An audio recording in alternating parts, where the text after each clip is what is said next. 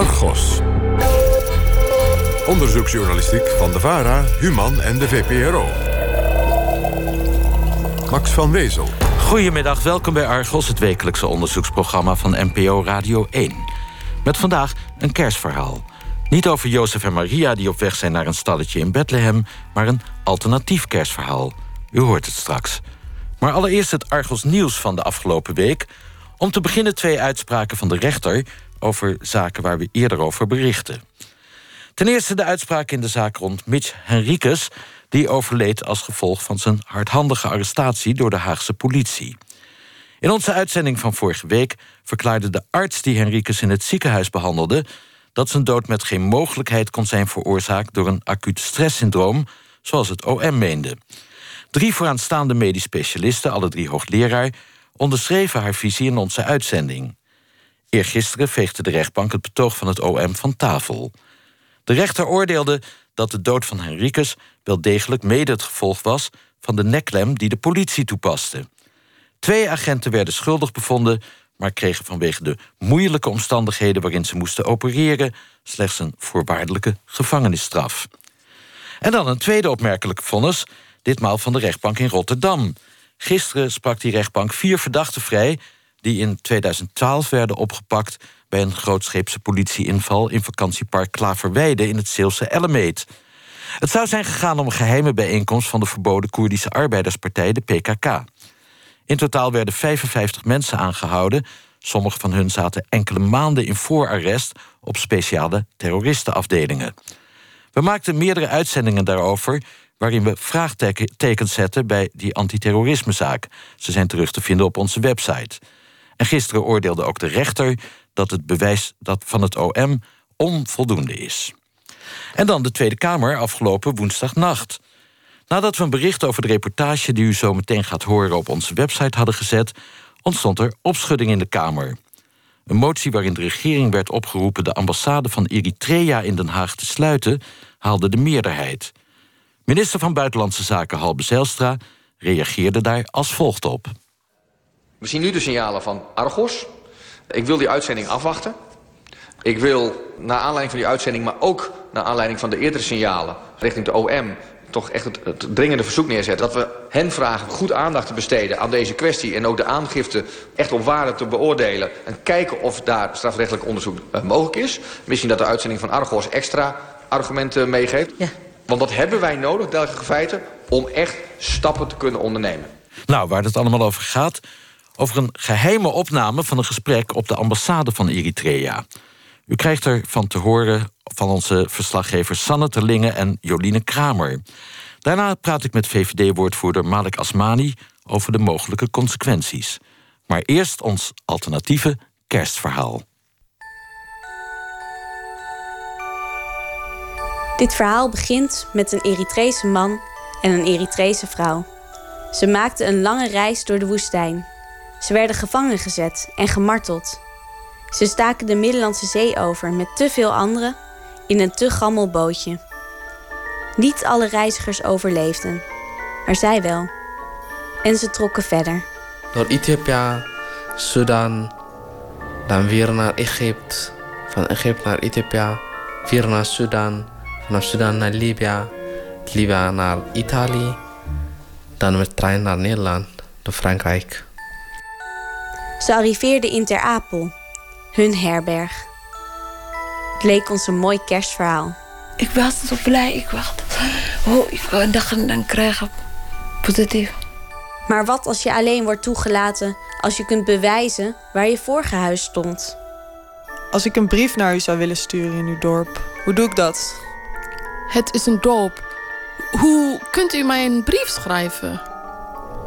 Kunt u mij uitleggen waar in het dorp u woonde? Het is een dorp. Het is bergachtig. Uh, hoe kan ik het zeggen? En hoe moet je dat bewijzen? Als je documenten hebt, dan is het makkelijk. Tenminste, als dat echte documenten zijn. En als daaruit blijkt dat je uit Eritrea komt. Dat zegt de directeur van de IND, de immigratiedienst. Omdat ze uit een land komen waar, uh, um, waar het gewoon niet veilig is. Er zijn wel meer landen niet veilig. Zeker. Nee, wij toetsen dat op basis van het zogenaamd algemeen ambtsbericht van het ministerie van Buitenlandse Zaken. En er is een algemeen ambtsbericht uh, over Eritrea. En die geeft aanleiding dat als mensen dat land ontvluchten, dat ze bescherming verdienen. Maar als je als Eritreër geen papieren hebt, dan hangt je hele toekomst af van een vraaggesprek. En hoe kom ik van de rand van uw dorp bij uw woning? U kunt de auto op de snelweg laten en dan kunt u er te voet komen. Nou, ik ben te voet uh, bij uw dorp. Hoe kom ik dan bij uw woning? U loopt mee met de persoon aan wie u het vraagt. En uh, als die nou geen zin heeft om mee te lopen? Nou, dan weet ik het niet. Vorig jaar behandelde de IND bijna 32.000 asielaanvragen. In 2015, een piekjaar, waren dat er zelfs bijna 60.000. De meeste vluchtelingen kwamen uit Syrië, gevolgd door Eritrea. Het regime van Eritrea maakt zich schuldig aan misdaden tegen de menselijkheid, zegt een onderzoekscommissie van de Verenigde Naties. Moord, verkrachting, mishandeling, mensen worden zelfs tot slaaf gemaakt. Ja, ik heb wel asiel gekregen van, uh, van END. Meteen? Ah, meteen, ja. Ze geloofde jouw verhaal? Ja. Ik ben Sanne Terlingen. Dit is niet de eerste keer dat ik voor Argos een reportage maak over Eritreërs in Nederland of over de IND. Het is wel de eerste keer dat alle partijen enthousiast zijn om eraan mee te werken. Asielzoekers. Ik ben blij jullie kijken. Echt zo blij. De IND. Jullie maken een uitzending over uh, Eritrese asielzoekers. En wij werken graag mee aan zo'n uitzending. Advocaten en wetenschappers. Ik vond dat wel een hele goede ervaring om ook te ervaren hoe moeilijk deze situatie en hoe ingewikkeld het is voor eigenlijk alle partijen die in die situatie zitten. Ik maak deze reportage samen met Jolien Kramer.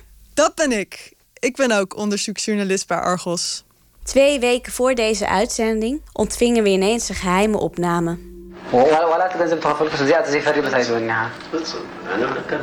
En dus krijgt dit verhaal straks ineens een hele andere wending. En ook als ik alles betaal, alleen dat spijtbetuigingsformulier niet teken? Nee. Dan geef je geen document aan mij. Eerst moet je ondertekenen en daarna vragen we andere dingen van jou. Laten we beginnen bij het begin.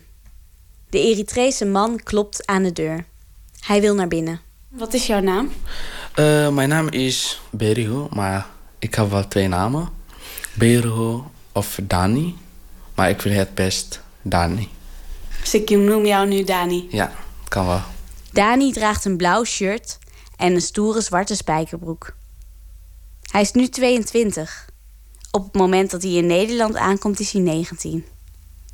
Hij vertelt de IND zijn vluchtverhaal. Over hoe hij werd opgepakt omdat hij spijbelde van school en zijn moeder wilde helpen. Hoe hij met een andere jongen in de gevangenis zat. Hoe ze samen ontsnapten door te doen of ze naar de wc moesten. Ze renden de grens met Ethiopië over, door de rivier. Daar hebben wij een lichaam gevonden. Zij willen ons gewoon doodschieten. Uh, ik ben weggegaan en die zou, ik wist echt niet tot nu waar hij is.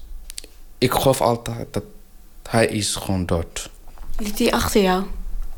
Uh, ja, hij was achter mij. Dus ja, ik kon hem echt niet gewoon terugkijken. Gewoon gelijk rennen. Want als ik op hem wachtte, dan ik wist wel wat kan verder met mij gebeuren. Het staat allemaal in het gespreksverslag dat hij vandaag heeft meegenomen. We lezen de teksten voor. Dani is gewoon zichzelf. Ik doe of ik de hoormedewerker ben van de IND. Jij lijkt precies op haar. Jij lijkt echt precies op haar. en als u in uw dorp staat en u kijkt om u heen, wat ziet u dan? Ik kijk gewoon alleen bergen. Bergen en uh, dorpen, andere dorpen. Bent u ooit in het bezit geweest van een geboorteakte of een doopakte in uw land van herkomst? Ja, ik had de geboorteakte. Maar je zegt hier nee. Ik, ik had wel, in Eritrea. Maar je hebt nee gezegd tegen de IND? Ik had wel. Ik had wel. Dat was gewoon in uh, Smusje. Want um, als ik kan zeggen, ja, ik heb wel geboorteakte. Oké, okay, ga maar halen. Of vraag aan je ouders om die documenten naar Nederland te sturen. En dat kon niet? Dat kon niet. We maken een uitstapje naar Zwolle. Als asielzoekers wel documenten hebben, dan komen ze hier terecht. Bij het bureau documenten van de IND. Hier liggen alles wat de mensen mee hebben gebracht. Geboorteactes, huwelijksactes, paspoorten, um, sommige gevallen kranten. Nederland loopt voorop als het gaat om documentonderzoek. De IND wil ons graag laten zien hoe serieus ze alle papieren beoordelen. Op het moment dat ze binnenkomen... Oh, dan moeten we even uit de kluis.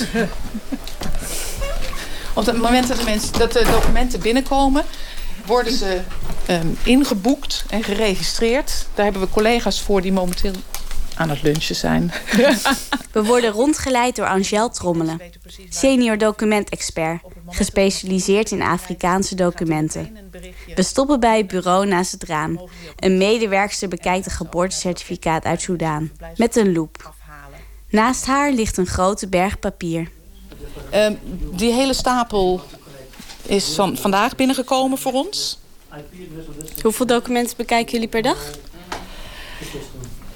Um, met elkaar bekijken we op dit moment dik 100 documenten per dag. En um, vorig jaar hadden we vaak 300 documenten per dag.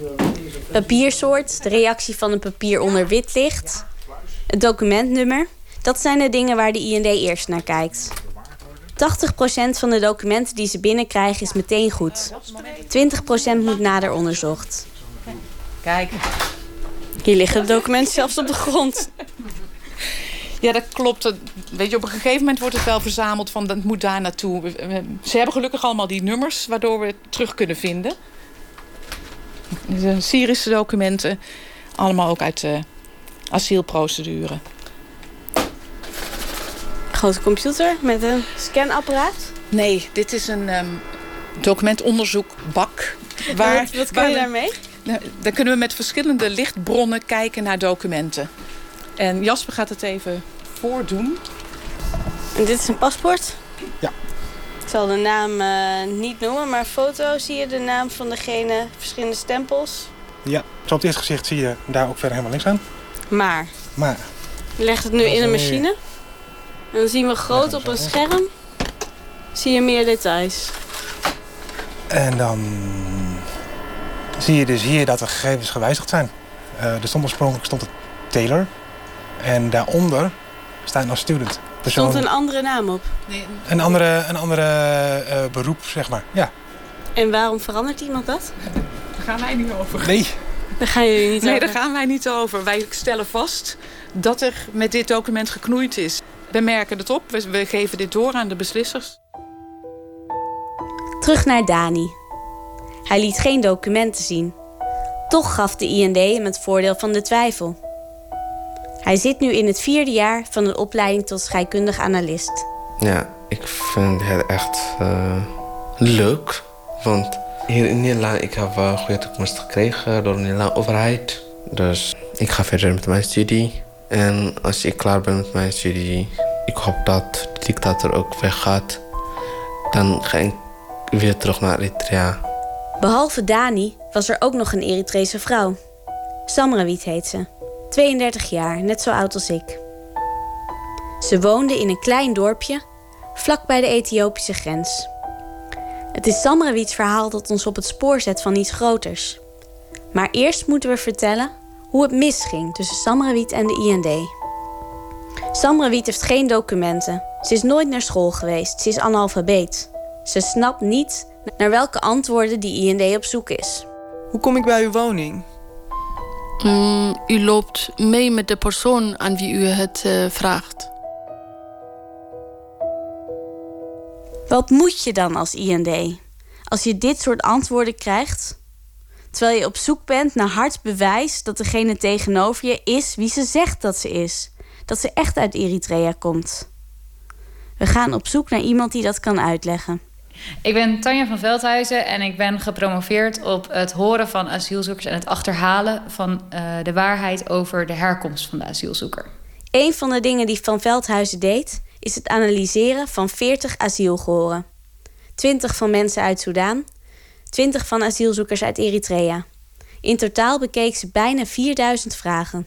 Qua inhoud hebben we gevonden dat er over het algemeen heel veel kennisvragen worden gesteld over de omgeving in de stad of het dorp van herkomst.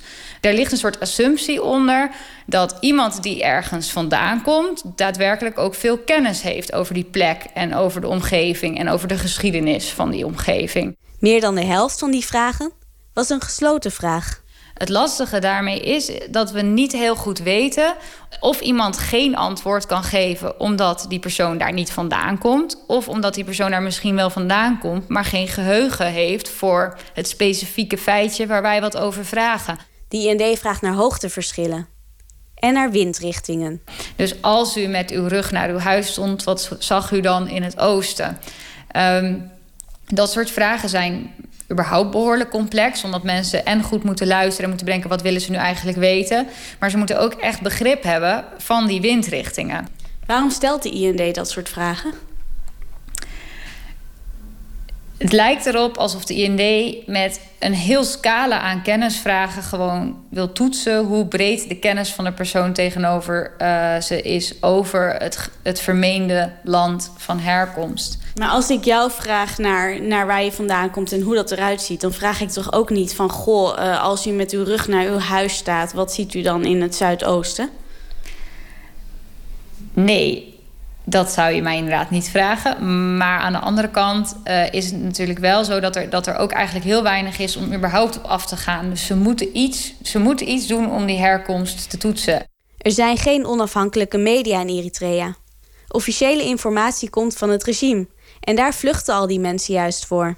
Van Veldhuizen benadrukt hoe ingewikkeld het voor één hoormedewerker is om tegelijkertijd naar de asielzoeker te luisteren met de tolk te communiceren, nieuwe vragen te verzinnen, de antwoorden op te schrijven en dan ook nog eens te checken of die antwoorden wel kloppen.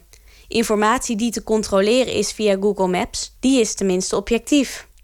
Ik heb wel het gevoel dat het, dat het een manier is om in een hele onzekere besliscontext een soort van houvast te krijgen. Uh, dit is informatie die we kunnen verifiëren. Of in ieder geval dat idee hebben we dat we de informatie kunnen verifiëren op de een of andere manier. En daar zijn we natuurlijk naar op zoek. Iets wat meetbaar is. Wat bedoelde u met uh, dat het water uh, uit de pijpen kwam? Vlak bij de school is er water uit de pijpen. dat is een waterput. En als je daar pompt, dan komt er water van boven uit uit pijpen. En wanneer heeft men voor het laatst uh, groot onderhoud aan de pijp of aan het reservoir gedaan? Mm, dat, dat weet ik niet. En heeft u enig idee wanneer een buitenlandse hulporganisatie de bron of de pijpen heeft verbeterd? Nee, uh, dat, dat weet ik ook niet. Waarom stelt de IND dit soort vragen? Had Samrawit echt moeten weten dat de Amerikaanse hulporganisatie USAID in 2005 een waterpomp oplapte? Nou, voor ons is heel belangrijk om zeker te weten dat de persoon die tegenover ons zit, is wie die zegt dat hij is. Identiteit en nationaliteit zijn doorslaggevend in een asielproces. Als iemand zegt: Ik kom uit Eritrea, dan moeten wij dat ook heel zeker weten. En vandaar dat wij daar eh, heel zorgvuldig onderzoek naar doen. Nanette van Schelven is waarnemend directeur van de IND. Ze heeft ruim een uur uitgetrokken om onze vragen te beantwoorden. Dat is uitzonderlijk. Meestal krijgen we alleen een antwoorden per e-mail van de persvoorlichter. Over Samrawiet en de waterpomp kan ze echter niks zeggen. Het is denk ik belangrijk om uh, uh, te weten dat ik op individuele zaken uiteraard niet inga. Waarom is dat? Omdat het mensen betreft in wiens privacy ik niet wil schenden. Ook niet als zij er zelf toestemming voor hebben gegeven? Wij gaan niet op individuele zaken in. Maar wat gebeurt er nou als een asielzoeker de vragen niet kan beantwoorden? We vragen het op een andere manier. En wat doen jullie als er twijfel is, nog aan het einde van die gehoren? Wij onderzoeken identiteit en nationaliteit en asielmotieven. En dat doen we op een manier waarbij we zoveel mogelijk ruimte uh, nemen en de tijd nemen om alles boven tafel te krijgen. Uiteindelijk zal een medewerker een knoop uh, moeten doorhakken. Als die nog twijfel heeft, dan kan die ook met een collega of met een senior nog uh, overleggen. Maar uiteindelijk wordt er een besluit genomen. Ook als er twijfel is? uiteindelijk wordt er een besluit genomen. En wat nou als een vluchteling niet kan bewijzen dat hij of zij uit Eritrea komt? Als iemand zijn identiteit en nationaliteit niet kan bewijzen, dan zullen wij uiteindelijk zijn aanvraag moeten afwijzen.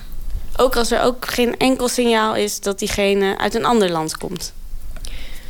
Als iemand zijn identiteit en nationaliteit niet kan, uh, aannemelijk kan maken, dan uh, wijzen we af. Bij besluit van 26 september 2013 wordt Samrawiet aanvraag om verlening van een verblijfsvergunning asiel afgewezen. Hij gelooft niet. Hij gelooft niet. Hij zegt nee, Samrawiet niet komt uit Eritrea. Oké. Waar kom je dan vandaan? Ik weet het niet. Ik, eh, maar wie vraagt of hem? Ik zeg toch, waar kom vandaan? Waar kom je vandaan? Uh, ik kom uit Eritrea. Ik kan niet uh, naar andere landen rollen. Het is mijn land. Samrawiet moet Nederland direct verlaten. Maar ze kan niet terug. Het is gevaarlijk in Eritrea. En zelfs al zou ze terug willen, dan nog kan het niet, want ze heeft geen paspoort. En dus is ze er nog, in een middelgrote stad. In een huis met vijf andere uitgeprocedeerde asielzoekers. Andere mensen ook niet krijgen zelf deze. Andere mensen ook slapen in de straat. Ja, ik denk voor wij een beetje beter, maar het is heel, heel moeilijk. Met onze fysieke... Nog wel even een... Die liggen hier in de kast. Ja.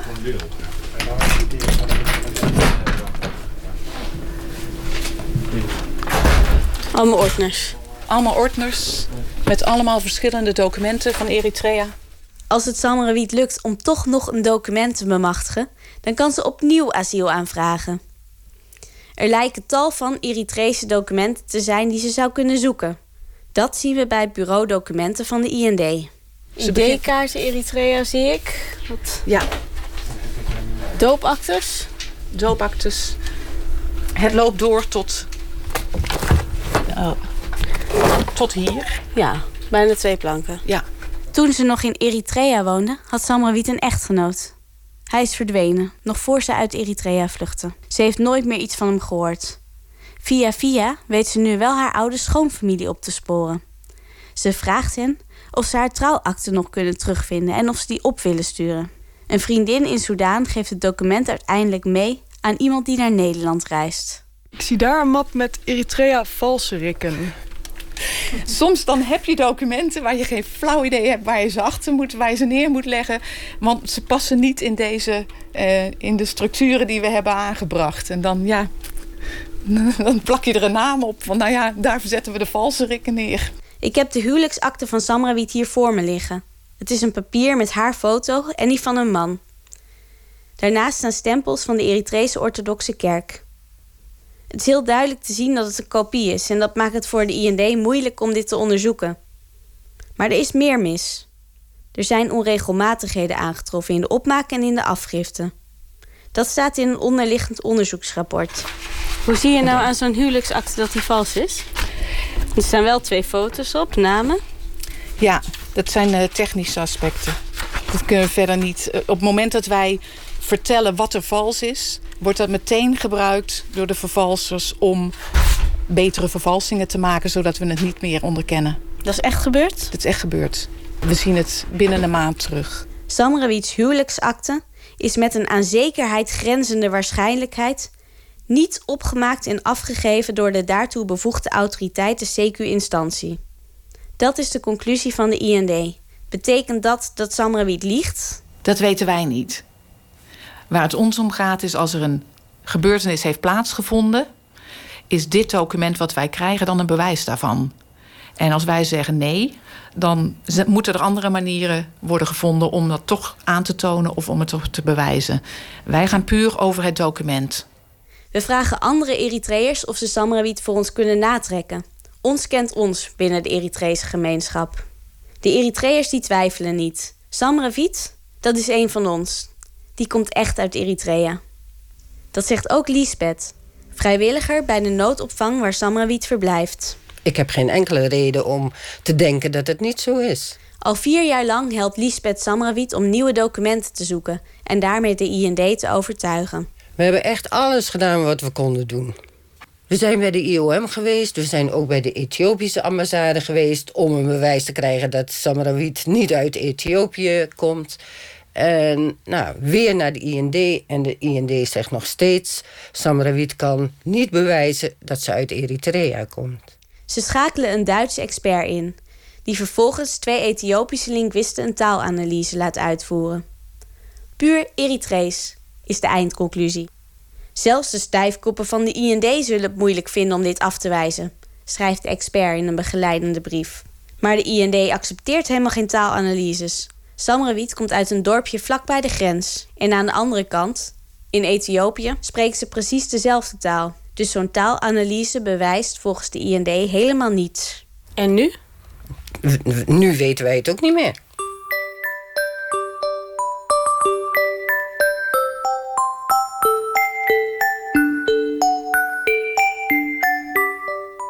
Dit is het alternatieve kerstverhaal van Argos op NPO Radio 1. Samrawit en andere asielzoekers zijn afgewezen door de IND omdat ze niet kunnen bewijzen dat ze uit Eritrea komen. Ik zit bij Samrawit thuis, op het bed, want ze heeft geen stoelen. Samen met vrijwilligster Liesbeth. Dan vertellen ze me iets waarvan ik recht overeind ga zitten. En die zegt naar de advocaat zeggen naar de ambassade in Eritrea moet geweest. De Eritrese ambassade? En Samrawit werd naar binnen geroepen. Hij zei van u mag niet mee, want Samrawit is uh, volwassen, volwassen vrouw. De Eritrese ambassade in Den Haag is al heel vaak negatief in het nieuws geweest. Daarbij vielen woorden als gedwongen diaspora-belasting, chantage, bedreiging en afpersing. Meermaals uitte minister Koenders ernstige zorgen over intimidatie vanuit de ambassade. Uh, we hebben wel geprobeerd, we hadden dus een opnameapparaat uh, bij ons. Om, de deur stond open, maar het was toch niet goed te, te horen. Maar, absoluut, absoluut. We zijn 100% bereid om... Samrawit laat het hoofd van de ambassade haar huwelijksakte zien. Dat is niet genoeg. Hij wil telefoonnummers van familieleden. Hoe moet hij anders controleren of ze echt uit Eritrea komt? Samrawit durft ze niet te geven. Want als dit niet goed is, wat heeft ze dan wel nodig? Wat ik heb nodig, heb ik tegen haar gezegd. Heel simpel. Maar als ik dat Zoals? niet heb... Simpele dingen zoals? Nee, nee, nee. Wilt u mij niet vertellen? Nee. Nou, oké. Dankjewel. Dankjewel. Maar hij zei niet, ik help haar niet omdat ze niet uit Eritrea komt. Nee, nee, nee. Nee, heeft hij niet gezegd. Het zou helemaal niet moeten voorkomen dat asielzoekers zich melden bij de ambassade van het land waaruit ze gevlucht zijn. Dat is in strijd met het vluchtelingenverdrag. Dat zei ook staatssecretaris Dijkhoff begin dit jaar nog in de Tweede Kamer. Hij verwoordde het wel iets officiëler. Hij zei: Het is in strijd met het vluchtelingenverdrag om de eis te stellen dat iemand die asiel aanvraagt zich moet wenden tot de autoriteiten van het land waar vandaan hij is gevlucht. Maar in algemene zin kan ik zeggen dat um, als een asielzoeker zich in de asielprocedure bevindt, de IND nooit zou adviseren om contact op te nemen met de ambassade van het land van herkomst. Dat zegt de IND. Maar wat als de asielprocedure voorbij is? We bellen verschillende hulporganisaties. Tientallen Eritrese vluchtelingen blijken het afgelopen jaar tussen wal en schip te zijn geraakt. Een medewerker vertelt dat alleen al bij hun organisatie 20 Eritreërs het afgelopen jaar langs de ambassade zijn gegaan. Ik moet ook proberen, omdat er is geen keus. De END wil een bewijs en ik moet laten zien dat. En ja, hier in Nederland ik kan ik niet nergens dat bewijs vinden. Misschien het is de enige mogelijkheid dat ik iets krijg van de ambassadeur. Wie geluk heeft, krijgt van de ambassade een nationaliteitsverklaring. Dat is een officieel document met pasfoto, stempels en de handtekening van consul Solomon Mahari. Afgewezen Eritreërs die ermee naar de IND gingen, kregen alsnog asiel. Wat ze voor dat document moesten doen, dat weet niemand. De Nederlandse overheid uit allerlei zorgen. Maar als het erop aankomt, baseert ze zich vervolgens op informatie van de ambassade zelf. Die zegt: wij vragen aan Eritreërs hier om 2% belasting te betalen. Het is vrijwillig. Het geld is voor de wederopbouw van Eritrea. Geen dwang, geen intimidatie.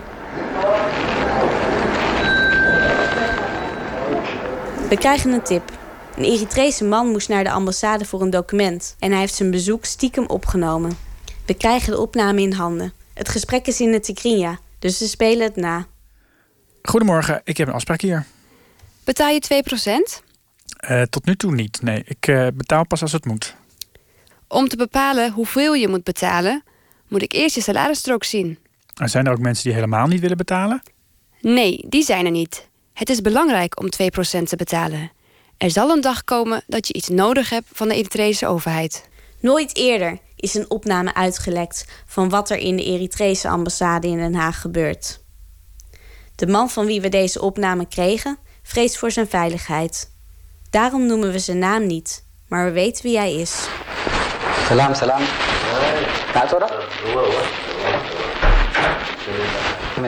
Na een uur wachten mag hij eindelijk naar binnen bij Solomon Mahari, het hoofd van de ambassade.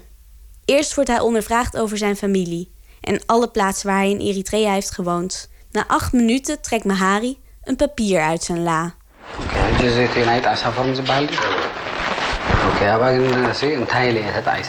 Zo, nu moet je dit ondertekenen. Oké, okay, um, is dit wat ze een spijtbetuigingsverklaring noemen? Ja. Oké, okay, maar wat heb ik dan gedaan dat ik spijt moet betuigen? Het is in Eritrea een misdaad als je het land verlaat zonder toestemming. Het is ook een misdaad omdat je deserteert uit militaire dienst. De straffen variëren.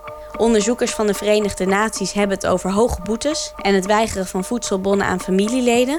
Maar ze hebben het ook over lijfstraffen, jarenlange gevangenisstraffen en zelfs executies. Weet je, Solomon, hier staat: Ik ben bereid om de juiste straf te ontvangen voor mijn fouten en mijn verklaring te ondertekenen. Ik zou heel graag wat meer tijd willen van je om dat te laten bezinken. Je begrijpt wel wat ik bedoel, toch? Nee, ik begrijp het anders. Wij denken dat de regering het voor je eigen bestwil heeft opgesteld. Oké, ja, daar moet ik even over nadenken. Want, want er staat: Ik ben bereid om de juiste straf te ontvangen. Maar hoe die straf eruit ziet, dat is helemaal niet bekend. Het zou ook iemands doodvonnis kunnen betekenen. Ieder mens heeft een geweten. En als een persoon een fout heeft gemaakt, zal hij niet kunnen ontkennen. Maar bijna de hele Eritrese bevolking is aan het vluchten. Ik heb niet iets anders gedaan dan de anderen, toch? Kan mijn document nog bewerkt worden terwijl ik hierover nadenk? Nee, dat kan niet. Dat komt niet van mij. Ik vertel je de algemene voorwaarden. Iedereen die het land is uitgegaan, moet eerst dit ondertekenen. Daar is geen weg omheen. Daarna kunnen we onze dienst verlenen. De ambassade ontkent dat degenen die spijt betuigen gevaar lopen. Wij zullen ons tolerant opstellen, zeiden ze tegen ons kabinet. Het staat mensen vrij om het formulier niet te ondertekenen. Maar ik heb dat document echt nodig. Nee. Maar binnenkort is het kerst en ik wil heel graag bij mijn kinderen kunnen zijn. En ook als ik alles betaal, alleen dat spijtbetuigingsformulier niet teken? Nee. Dan geef je geen document aan mij. Eerst moet je ondertekenen en daarna vragen we andere dingen van jou. Dus, dus, dus, dus iedereen die een dienstverlening wil, moet deze weg gaan. En dan krijg je een speciale kaart. Die 2%, hè, moet ik die eigenlijk in één keer betalen? Ik bedoel, ik heb nu vier, vijf jaar gewerkt. En als je geen geld op je rekening hebt staan, dan is dat gewoon lastig. Hé, hey, luister. Je hebt het zelf zo lang opgespaard. Ik heb gehoord dat het vrijwillig zou zijn. Dat is ook vrijwillig. Als er hier in Holland 10.000 Eritreërs wonen... en als de helft betaalt, gaan we de andere helft niet thuis bezoeken om het te innen. Maar als iemand iets van het land vraagt, moet degene doen wat hij moet doen. Zullen we hier nu afsluiten? Nou, maar het, het zou toch ook bijvoorbeeld in termijnen betaald kunnen worden? Ja, zoiets bestaat niet. Vandaag is donderdag. Neem het weekend erbij om tot een besluit te komen. Tientallen Eritreërs belanden noodgedwongen in deze situatie. We vertellen het de IND. En ook dat we een geheime opname hebben. Het staat een asielzoeker vrij om uh, te doen wat hij denkt dat nodig is om te doen. Maar de IND zal niet adviseren om contact op te nemen met het land van herkomst. Of de ambassade van het land van herkomst. Maar als dat nou de enige manier is voor een vluchteling om toch nog aan te tonen dat hij uit Eritrea komt? Ik heb zojuist aangegeven dat uh, voor het vaststellen van identiteit en herkomst uh, het heel belangrijk is uh, dat iemand dat aannemelijk kan maken. En daar zijn verschillende manieren voor. Dus daarvoor is niet noodzakelijk om contact op te nemen met de ambassade van het land van herkomst. In um, verschillende casussen die wij hebben bestudeerd, is er al van alles geprobeerd door afgewezen asielzoekers. Is er geprobeerd documenten het land uit te krijgen via kennissen? Is er geprobeerd om via organisaties zoals het IOM toch nog aan bewijs te komen? Er is een taalanalyse gedaan. En dat wordt allemaal door de IND niet geaccepteerd. Snapt u dan dat mensen het idee hebben dat ze dan door de IND gedwongen worden om naar die ambassade te gaan? Zoals ik daarnet heb gezegd, is de asielprocedure zo ingericht dat wij op verschillende momenten met de asielzoeker uh, in een gehoor proberen zoveel mogelijk informatie uh, uh, op tafel te krijgen. En die asielprocedure biedt daar dus ook voldoende ruimte en waarborgen voor. Maar als iemand al deze dingen die ik net opnoemde heeft geprobeerd, snapt u dan dat een Eritreër naar de ambassade gaat om zijn nationaliteitsverklaring op te vragen? Wij zullen niet adviseren om contact op te nemen met de ambassade van het land van herkomst. Maar u accepteert het wel als een asielzoeker bewijs inbrengt dat via de ambassade is verkregen? Wij accepteren bewijsstukken die kracht van bewijs hebben. En dit is een uh, verklaring die wij meenemen, ja. het maakt niet uit hoe iemand aan die bewijsstukken komt. Wij vragen niet hoe iemand aan zijn bewijsstukken komt, nee. Wij komen eigenlijk voor Sanne Ja. Hallo. Kom, hallo. Sanne. Dankjewel. Hoi, Joline. Raya. Oh, ja. Raya. Oh. Ja. Half zeven. Ja. Kom. Ja, ja, ja. Hallo. We zijn weer bij Samrawiet. Ze ontvangt ons hartelijk, zoals elke keer. Maar ze is ook verdrietig. Ze is hier aangekomen. Maar meer dan dat is het niet. Ze overleeft. Ik ik wil mijn kinderen eerst. Eerst mijn kinderen. En dan krijgen papier. Ja, maar hoe? Hoe komen mijn kinderen? Vorig jaar, vorig twee jaar. Ik heb altijd houden. Altijd roepen bij mijn kinderen. En dan ik slaap. Altijd. En dan... Ik wakker. Ja, zitten, houden, houden, houden. Maar wat moet doen? Ze vertrok met het idee dat haar kinderen ook zouden komen. Met de veilige route, met het vliegtuig. Zodra ze hier asiel had, zou ze ze laten overkomen. Dat is nu vijf jaar geleden. Heb jij kinderen? Als kinderen één dag aan de stad slapen, hoe jij doet, kijk maar. Dan vijf jaar zonder kinderen. Doe pijn. Het feit dat je helemaal niet meer terug mag komen op het eerste interview. Wat je toen hè, in al je stress en druk en niet wetend hoe het hier in Nederland werkt, hebt verteld. Dat daar de rest van je leven van afhangt, inderdaad. Want ze is nu in een visieuze cirkel waar ze niet meer uit kan komen. Ja, ik vind het een onmenselijke situatie. Ik weet het niet wat ik moet doen. Wat moet uh, vragen voor één ding. Hij heeft de hoofd. Hij heeft de oog. Hij kijken, horen, hij denken. Ik denk hij niet denken. Als hij denken, hij niet doet zo.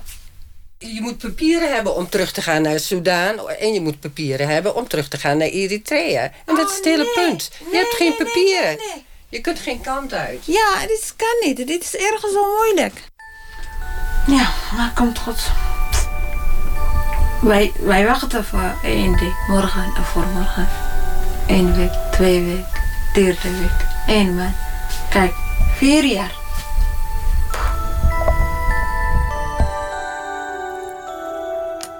U luistert naar Hoe weet je waar je huis stond? Een waar gebeurd kerstsprookje van Sanne Terlinge en Jolien Kramer.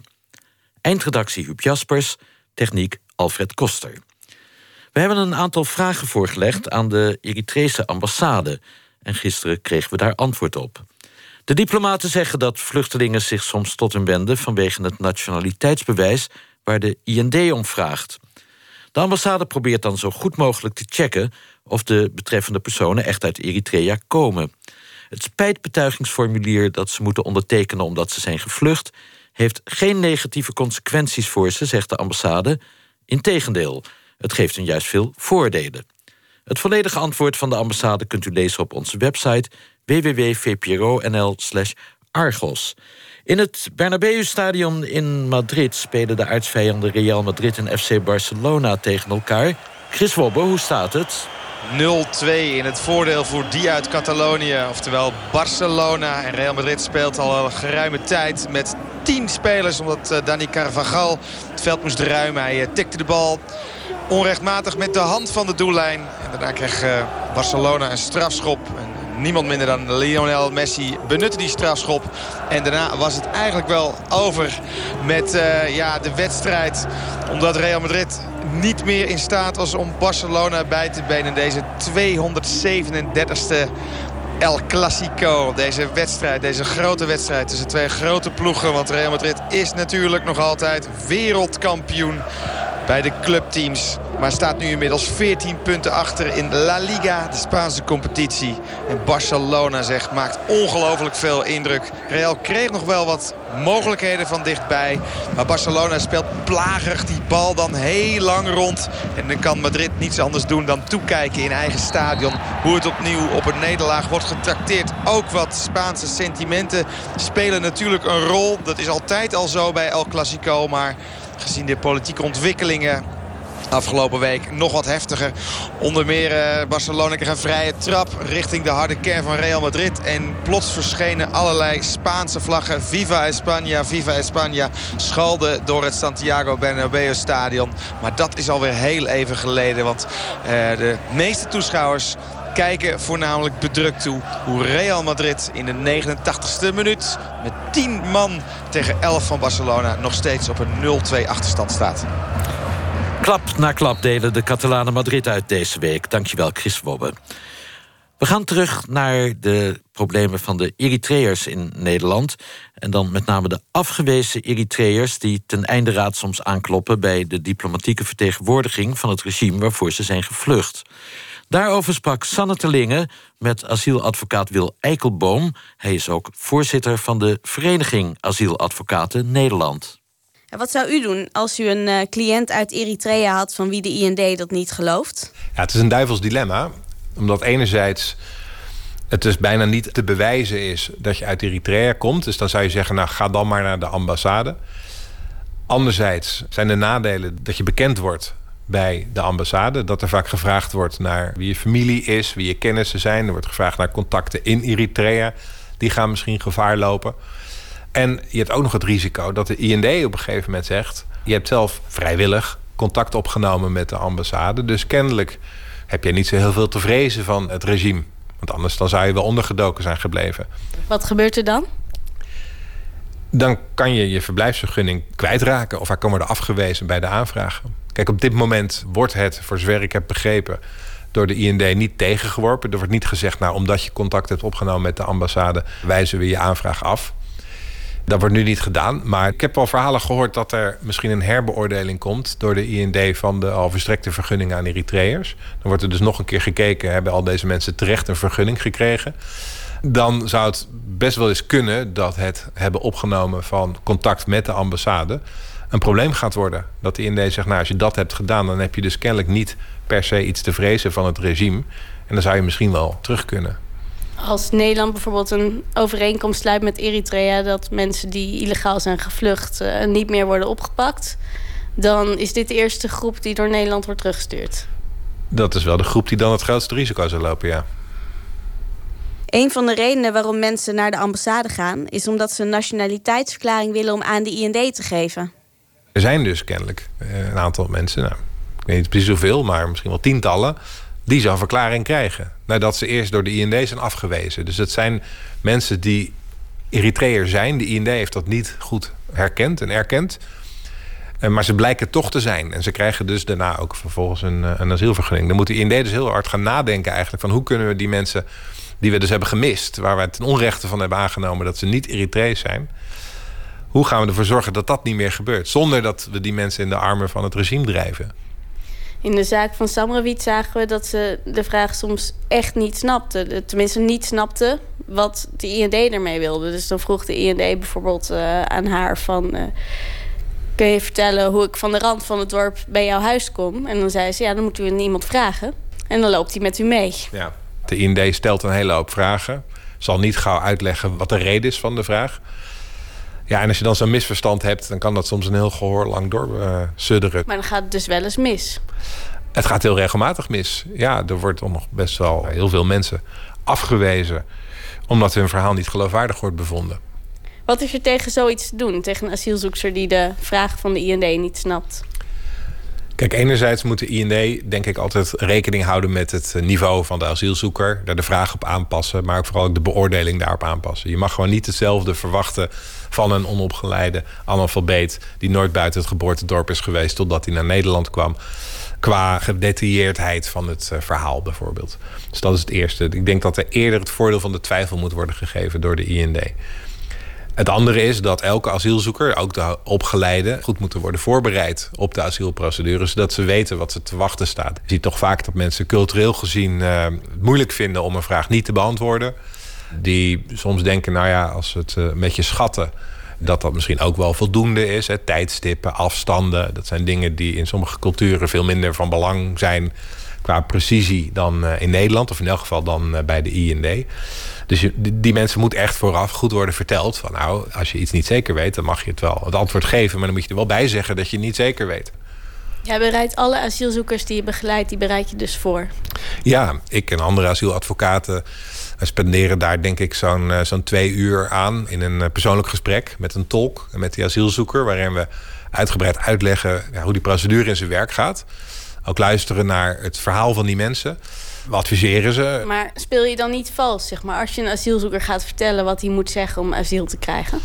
Nee, dat doe ik dan ook nooit. Ik zeg niet, je moet dit zeggen om asiel te krijgen. Maar uh, ik zeg wel, als dit jouw verhaal is... dan moet je deze details moet je daar ook bij noemen. Je kan zeggen, ik ben vorig jaar gevangen gezet... en ik ben gemarteld en daarom wil ik nu asiel. Uh, als iemand mij dat vertelt, dan zeg ik... nou, daar kom je niet zo ver mee bij de IND. Je moet vertellen, wanneer ben je opgepakt? Door wie? Hoe zagen die mensen eruit? Hoe heette de gevangenis? Hoe lang heb je daar gezeten? Hoe gingen die martelingen? Het is moeilijk om te vertellen, maar probeer dat zo goed mogelijk te vertellen. Dus ik zeg niet wat ze moeten vertellen, maar ik geef aan op welke manier ze het moeten vertellen. Ziet de IND ook het belang van deze voorbereiding? Ik denk het wel. In Nederland hebben we de snelste asielprocedure in Europa. Een hele efficiënte procedure. Meestal in acht werkdagen rolt daar een beslissing uit. En ik denk dat de IND ja, ook inziet wat het belang is van rechtsbijstand daarin. Juist omdat wij uh, mensen goed voorbereiden, mensen weten wat ze te wachten staat in de procedure, kunnen die gehoren ook efficiënt plaatsvinden. En kan er snel een beslissing worden genomen. Maar in het regeerakkoord staat nou juist dat het nieuwe kabinet heeft besloten om die rechtsbijstand voorafgaand aan de asielprocedure af te schaffen. Als je rechtsbijstand gaat afschaffen, dan uh, gaan mensen dus ja, de procedure in zonder dat ze echt een goed beeld hebben van wat er van ze verwacht wordt. Dan zullen ze veel minder met bewijzen komen. Dan denk ik dat ze veel minder uitgebreid uh, hun verhaal zullen vertellen. Zullen ze misschien dingen verzwijgen die ze moeilijk vinden om te vertellen. Dat ze homo zijn bijvoorbeeld. Uh, omdat ze misschien denken, nou ja, dat hoef ik niet te vertellen. Ik krijg toch wel asiel. Dan worden ze afgewezen en dan krijg je dus juist dat er achteraf uh, moet worden geprocedeerd om die mensen toch in Nederland te kunnen houden. Want ja, sommige, of heel veel daarvan, zullen toch een recht hebben op asiel. En volgens mij wil helemaal niemand dat. Heeft u nog een kerstboodschap voor de staatssecretaris?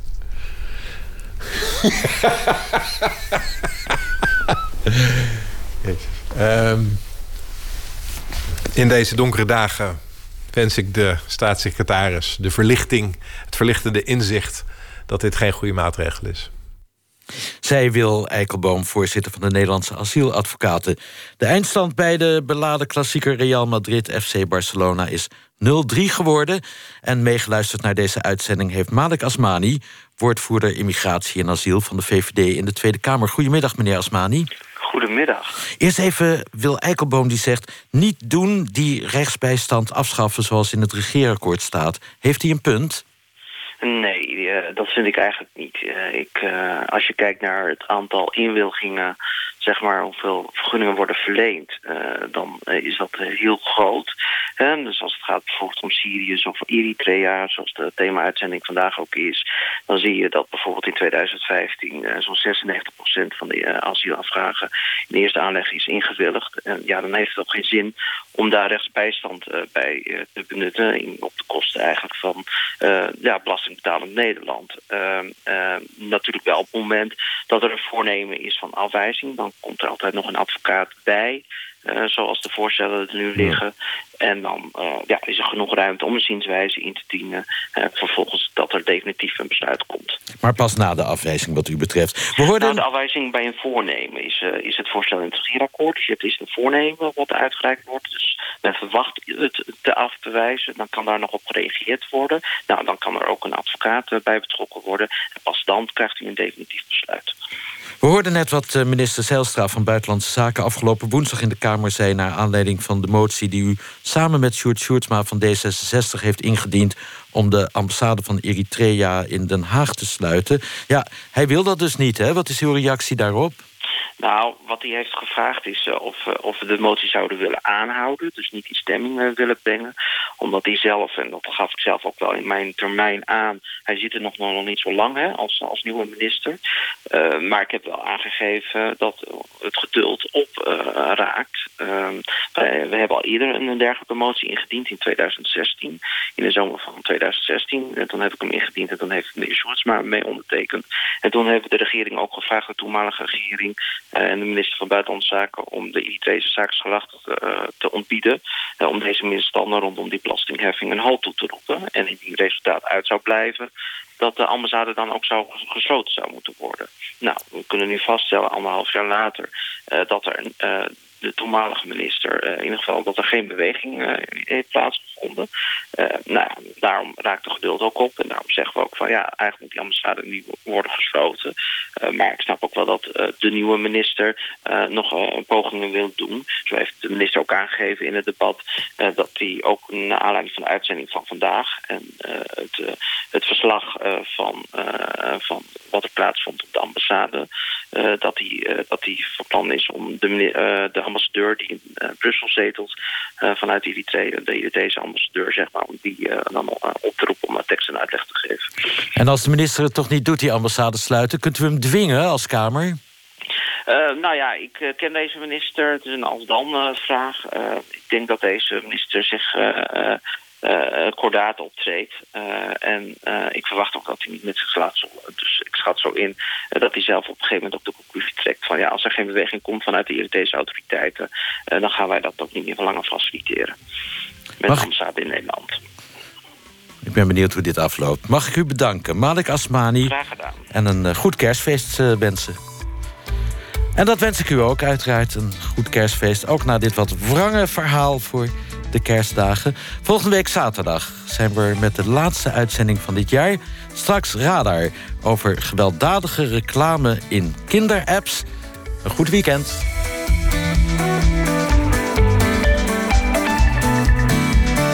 NPO Radio 1.